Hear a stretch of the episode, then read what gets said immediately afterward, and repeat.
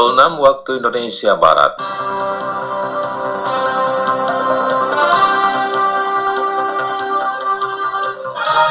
Selamat pagi pendengar inilah Warta Berita Daerah edisi hari ini Senin tanggal 1 Februari 2021. Pemerintah Kabupaten Natuna kembali akan melakukan perekrutan calon pegawai negeri sipil daerah atau CPNSD Promasi tahun 2021. Dalam menyukseskan program vaksinasi virus corona, diharapkan masyarakat untuk tidak takut jika divaksin.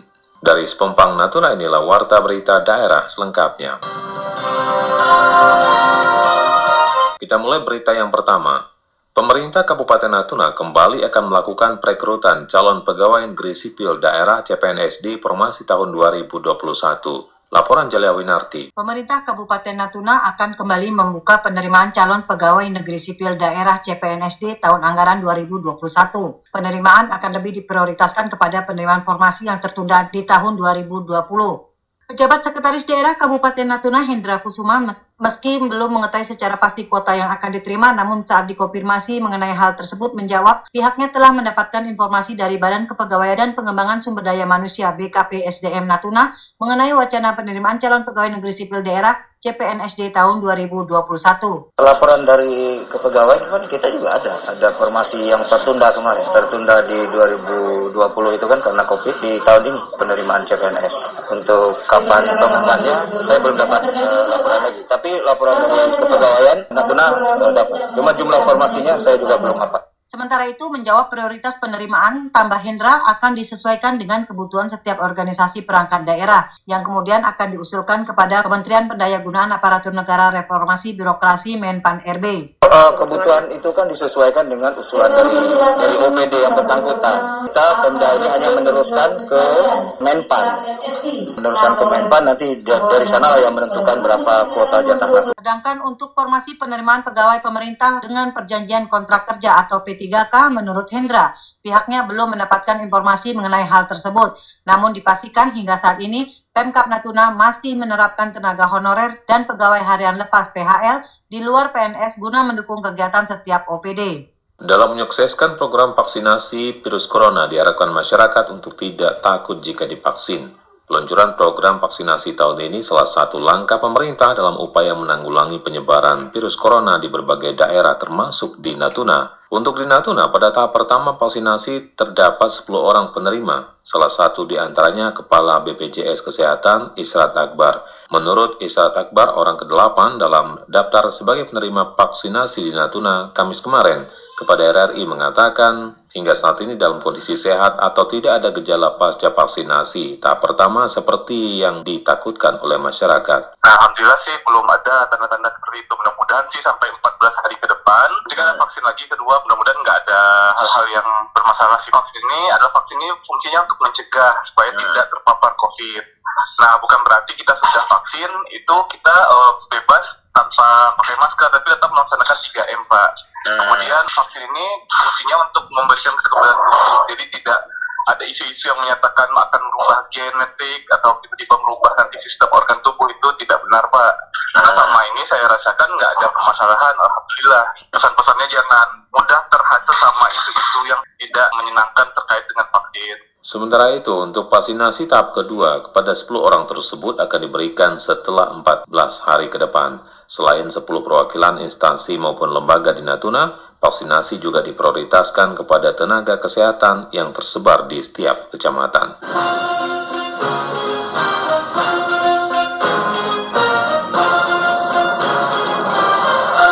Hingga saat ini kantor urusan agama baru berdiri di 12 kecamatan di Natuna. Jalia Winarti menurunkan laporannya. Kabupaten Natuna saat ini memiliki 15 kecamatan hasil pemekaran dari sejumlah kecamatan induk. Namun dari 15 kecamatan tersebut belum semua memiliki struktur organisasi pemerintahan yang lengkap di luar pemerintah kecamatan seperti Polsek, kantor SAR, dan kantor urusan agama. Untuk kantor urusan agama sendiri saat ini masih ada tiga kecamatan yang belum memiliki KUA sendiri, di antaranya Kecamatan Suamidai, Kecamatan Bunguran Batu Ubi, dan Kecamatan Pulau Tiga.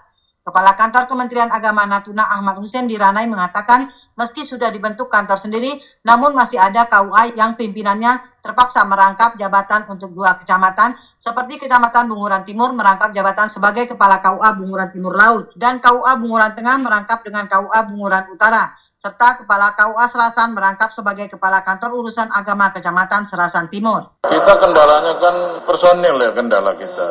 Ada yang masih merangkap seperti Bunguran Timur Laut merangkap di Bunguran Timur yang lama.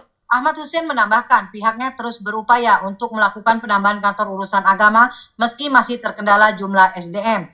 Dalam upaya penambahan kantor urusan agama di setiap kecamatan itu, Kemenak Natuna berusaha melengkapi sertifikat kepemilikan tanah untuk berdirinya kantor KUA yang permanen. Upaya dilakukan dengan koordinasi pihak Badan Pertanahan Nasional BPN di Natuna. Sertifikasi lahan sangat penting untuk pembangunan gedung KUA karena persyaratan untuk merealisasikan dana pembangunan tersebut dari Kanwil Kemenak adalah harus bersertifikasi lahan atas hak Kemenak Natuna. Kami sekarang sedang berupaya membesar untuk sertifikasi tanah khususnya untuk kantor KUA. Sebab pusat Bapenas itu tidak akan mau membangun kalau sertifikasi atau suratnya tidak jadi milik Kementerian Agama sendiri atau milik pemerintah. Adapun besaran pos anggaran pembangunan gedung kantor urusan agama menurut Ahmad Hussein telah ditetapkan oleh Kementerian Agama yakni senilai 1,8 miliar rupiah per kecamatan. Adapun kecamatan yang telah mendapatkan pembangunan gedung tersebut adalah Kantor Urusan Agama Kecamatan Bunguran Timur. Pendengar, sebanyak 20 paket sembako disalurkan oleh para mahasiswa pencipta alam Mapala, Stai Natuna, dan PMI kepada warga tidak mampu, lansia, dan anak yatim di SP1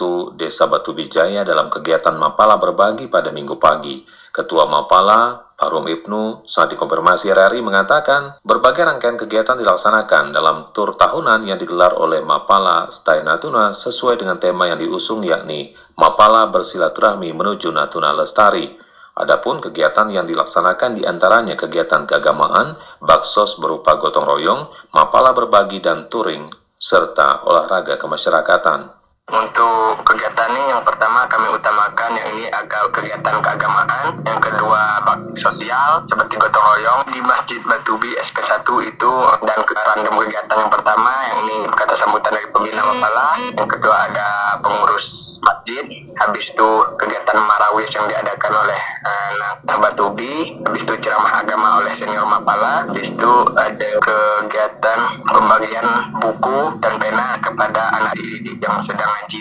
Yang ketiga ada Mapala berbagi, yang ini pembagian sembako untuk Mapala paket dan untuk PMI itu 10 paket. Dan kami minta rekomendasi dari pihak desa untuk mana yang diserahkan. Dalam menyukseskan pelaksanaan tur tahunan Mapala kali ini, mewakili perwakilan mahasiswa, Barum Ibnu menyampaikan ucapan terima kasih kepada sejumlah organisasi yang terlibat dan berpartisipasi menyukseskan kegiatan, di antaranya KNPI Natuna, PMI, Genpi, Kompas Benua, dan DPP Laskar Melayu Natuna.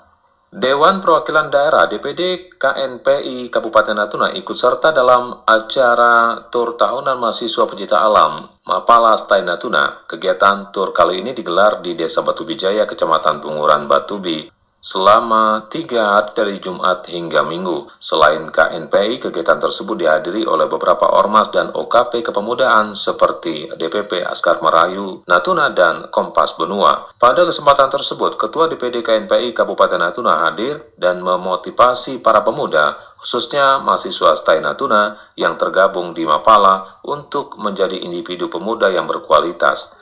Haryadi mengingatkan para pemuda untuk bisa menyesuaikan diri dan berinovasi dengan perkembangan zaman.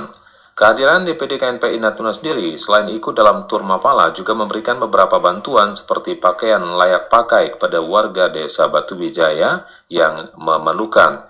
Usai berpartisipasi dalam kegiatan tur, Ketua DPD KNPI Natuna bersama rombongan minggu pagi juga menghadiri acara yang ditajak oleh komunitas Mbecite Kelari dengan tema Kelari Tempo Dulu yang digelar di lapangan Poli Desa Gunung Durian, Kecamatan Bunguran Utara. Pada kesempatan itu, DPD KNPI Natuna juga menyerahkan bantuan pakaian layak pakai kepada warga Kelari dalam rangka kegiatan KNPI Peduli di Kecamatan Bunguran Utara.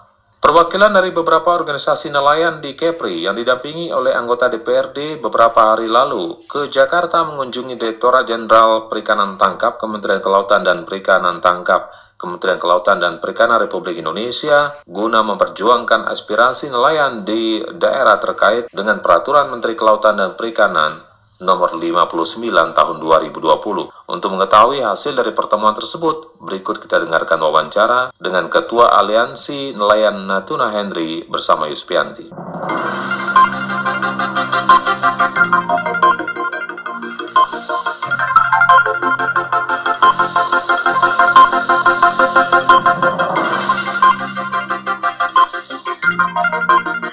Sebagaimana kita ketahui ada beberapa ususan dari nelayan ya ya Pak ya ke Jakarta untuk menyampaikan aspirasinya kepada Menteri KKP terkait permen uh, Menteri tersebut. Nah, sejauh ini bagaimana kegiatan yang dilakukan oleh utusan nelayan tersebut di Jakarta, Pak? Ya, pertama saya jelaskan dulu. Kita beraksi ini adalah dari forum pergerakan masyarakat nelayan Kepri. Hmm. Jadi sebelum ke Jakarta kemarin itu kita uh, bergerak di Provinsi Kepri, yaitu di kantor DPRD Provinsi, kemudian juga di kantor Gubernur.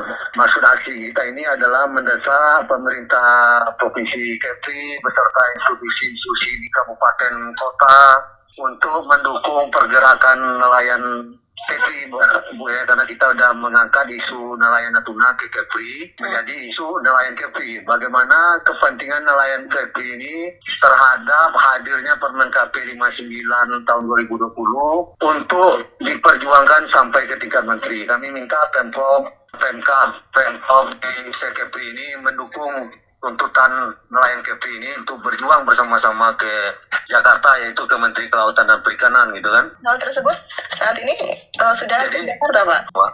Iya. Jadi kita ini terdiri dari ada Aliansi Nelayan Natuna, ada HNSI uh, Anambas, HNSI Bintan, HNSI Lingga, LKPI, Lembaga Kajian Perikanan, Lembaga Kajian Kelautan Perikanan Indonesia gitu kan. Dan iya. banyak lagi organisasi-organisasi organisasi di KEPI yang terhimpun dalam forum pergerakan tadi gitu. Kita menuntut bahwa Permen KP 59 itu harus direvisi atau ditunda sama sekali gitu. Nah, jadi, jadi, kemarin kita ke uh, kementerian juga ada perwakilan dari DPRD Natuna yang menyertai, juga ada dari DPRD Anambas, kepala di Dinas Perikanan Anambas, Kepala Dinas Perikanan Provinsi juga ikut bersama kita kebetulan dalam pertemuan yang diterima oleh Dirjen Perikanan Tangkap. Jadi dari pertemuan tersebut apa Pak poin yang diperoleh dari usaha para nelayan dan juga DPR? Ya, dalam pertemuan tersebut Pak Dirjen itu mencoba mengakomodir kepentingan nelayan Natuna. Tapi dia uh, hanya sekedar mengakomodir seperti itu, berjanji gitu, berjanji akan mempelajari gitu kan. Tapi dalam proses diskusi itu dia juga menekankan bahwa nelayan cantrang di Laut Jawa itu juga punya kepentingan gitu kan. Jadi tidak ada titik terang kalau kami lihat di Dirjen itu tidak ada titik terang bahwa tuntutan masyarakat nelayan Natuna ini atau nelayan Kepri ini akan diterima. Jadi kami dari forum pergerakan masyarakat nelayan Kepri ini bersepakat kita tidak hanya sebatas di Dirjen, kita harus berjumpa dengan Menteri gitu. Sebenarnya agenda pertama itu kita diterima Pak Dirjen aja, Bu. Tidak ada waktu itu agenda kita mau bertemu Menteri, tapi melihat hasil diskusi pertemuan dengan Pak Dirjen, kayaknya tuntutan kita ini sangat lemah akan diperjuangkan oleh Pak. Nah, Jadi memang oh, sempat nah, dengan Pak Menteri Pak saat itu. Sempat dua hari kami berjuang, Bu. Jadi kami berjuang dua hari bertemu Menteri. Pertama kami berjuang jadi tidak diterima, tidak sampai kantor bubar, kita pun tidak diterima. Akhirnya kami berinisiatif mencari nomor kontak menteri langsung. Dari kawan-kawan dari kawan-kawan yang ada di Jakarta, kami menerima mendapat kontak menteri. Jadi kami WA menteri bahwa kami dari Nelayan Kepri hadir di kementerian ingin berjumpa Bapak Menteri, tapi tidak dilayani gitu kan. Nah, jadi jam 12 malam ada balasan dari menteri, baru dibaca sama beliau. Menteri mengatakan bahwa dia tidak pernah menerima informasi ada nelayan Kepri menunggu dia. Tidak ada protokoler yang menyampaikan ke beliau bahwa ada nelayan Kepri yang sedang menunggu gitu kan. Iya. Nah, makanya di WA beliau kepada kami, oke besok pagi saya tunggu di kantor kita bertemu katanya kan. Nah, padahal kami udah udah jam 12 besoknya kami udah udah isu tiket untuk balik ke Batam karena eh, melihat tipisnya harapan kami ingin ketemu menteri itu kan. Iya. Karena ada WA dari Pak Menteri itu ya kami batalkan tiket. Heeh. Jadi isu lagi tiket besok paginya gitu kan. Jadi kami korbankan tiket itu. Jadi satu hari kemarin juga kami prosesnya hampir sama dengan yang hari pertama kami menunggu menteri gitu kan. Jumat ya, 16.30 hari Jumat. Kebetulan Pak Menteri mau keluar dari kantor di pintu utama kami berteriak. Nah langsung kami teriak aja. Pak Menteri, kami dari nelayan Kepri ingin berjumpa Pak Menteri. Nah beliau melihat melihat kami lalu menghampiri kami. Oh nelayan Kepri ya, deh. ya deh. Dia perintahkan ajudannya, protokolernya berbicara dengan kami. Menteri berjanji nanti balik dari luar kita ketemu gitu. Iya. Nah, ya, cepat kita berdiskusi dengan menteri. Jadi kita bertemu jam 17.30 kita dipersilakan masuk ke ruang menteri. Sebelumnya kita di antigen dulu, Pak. Karena tamu yang mau menghadap menteri itu wajib antigen. Jadi di kantor kementerian itu ada petugas untuk antigen itu. Hmm, demikian. Nah, jadi kita bertemu, kita sampaikanlah semua permasalahan, penolakan dari nelayan Natuna, nelayan Anambas, tentang alat tangkap cantrang, kemudian tentang pembatasan zonasi-zonasi tangkapan nelayan tradisional, yang mana nelayan tradisional Natuna hanya boleh sampai 4 mil, 10 mil, di luar itu tidak boleh gitu kan. Iya ya. Jadi kita sampaikan semuanya, termasuk dampak terhadap kehadiran cantrang di Laut Natuna, bagaimana cantrang ini akan mematikan mata pencarian nelayan-nelayan tradisional Natuna, itu kita sampaikan ke sama semua sama Pak Menteri. Nah informasi inilah yang tidak sampai ke Menteri sebenarnya, karena kita lihat di level-level di bawahnya semuanya ada kepentingan semua gitu. Nah, Nah, jadi dari surat tersebut bagaimana respon dari Menteri KKP Trenggono? Oh, Menteri merespon sekali, bahkan dia berjanji untuk menunda pemberlakuan Permen KP 59 ini. Dia akan mengkaji secara mendalam, komprehensif, dan berdasarkan masukan-masukan dari nelayan. Jadi dia akan hadir nanti ke Natuna, menjumpai nelayan langsung. Bertemu nelayan langsung, ingin mengetahui permasalahan apa sebenarnya di Natuna. Dia tidak mau diagendakan di setting-setting seperti itu katanya. Nah, kita menerima. Kemudian dia sepakat dengan nelayan Kepri dan nelayan Natuna bahwa dia juga tidak setuju dengan cantrang. Malah beliau kan berjanji. Ini permen KP sudah lahir dan mungkin tidak mungkin dia secara tiba-tiba membatalkan. Dia punya target, ya dia kaji dulu lah. Pasti dia akan membuat kejutan dengan permen KP pas ini kata dia. Iya, Pak. Kalau menteri Permen KP tersebut dikeluarkan dari Menteri Trenggono atau Menteri sebelumnya sebenarnya? Menteri sebelumnya Pak Edi Prabowo pada Demikian. dikeluar di, di disusun selama setahun itu mereka katanya kata Pak Dirjen setahun mereka mengkaji Permen KP ini makanya pada ta- tanggal 18 November tahun 2020 itu diterbitkan diundangkan Hmm, demikian. Nah, Nah, dengan Edi adanya respon yang demikian dari Menteri, apa langkah selanjutnya dari para nelayan yang eh, memperjuangkan permen ini, Pak? Ya, kita tetap mengawal. Ya, untuk saat ini nelayan-nelayan Natuna cukup puas dengan hasil itu, Bu ya. Dengan hasil pertemuan, dengan janji komitmen Menteri. Bahkan Pak Menteri langsung mengeluarkan di Facebook pribadi beliau bahwa dia sudah bertemu dengan nelayan Kepri, Natuna, Anambas, Lingga, dan sebagainya dia sebut. Dia mengakomodir kepentingan nelayan Kepri, dia juga tidak setuju cantrang, dia juga mengkritisi Permen KP 59. Ya, itu statement beliau di permen di si- siaran pers beliau ya. Langsung di siaran pers seperti itu. Ya. Dan kita merespon dan sangat menghargai komitmen Pak Menteri. Cuma kita kan tidak diam, kita akan kawal statement-statement Menteri ini.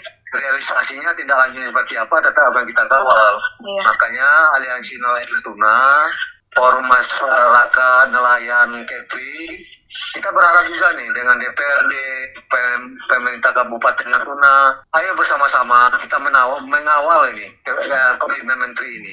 Karena kalau tidak ini bukan bukan hanya merugikan pihak nelayan saja tapi semua kepentingan masyarakat Natuna juga akan terganggu dengan kehadiran cantrang ini gitu. Jadi ini bukan bukan hanya kepentingan aliansi nelayan Natuna bukan gitu untuk kepentingan pergerakan ini adalah untuk kepentingan kita semua gitu. Ada informasi yang disampaikan kapan kiranya kunjungan Menteri Trenggono KKP itu belum. ke Natuna? Belum, dia belum tanggal pastinya kan belum Bu ya, tapi dia menyatakan saya akan ke Natuna dalam waktu dekat ini. Hmm. Karena beliau sangat sibuk kalau kami dia memang sibuk luar biasa Bu, menerima tamu dari berbagai daerah itu kan. Mungkin awal-awal ini dia ke konsolidasi internal dulu. Sebelum dia nanti akan ke daerah ke daerah menyerap aspirasi para nelayan dan bertemu dengan nelayan.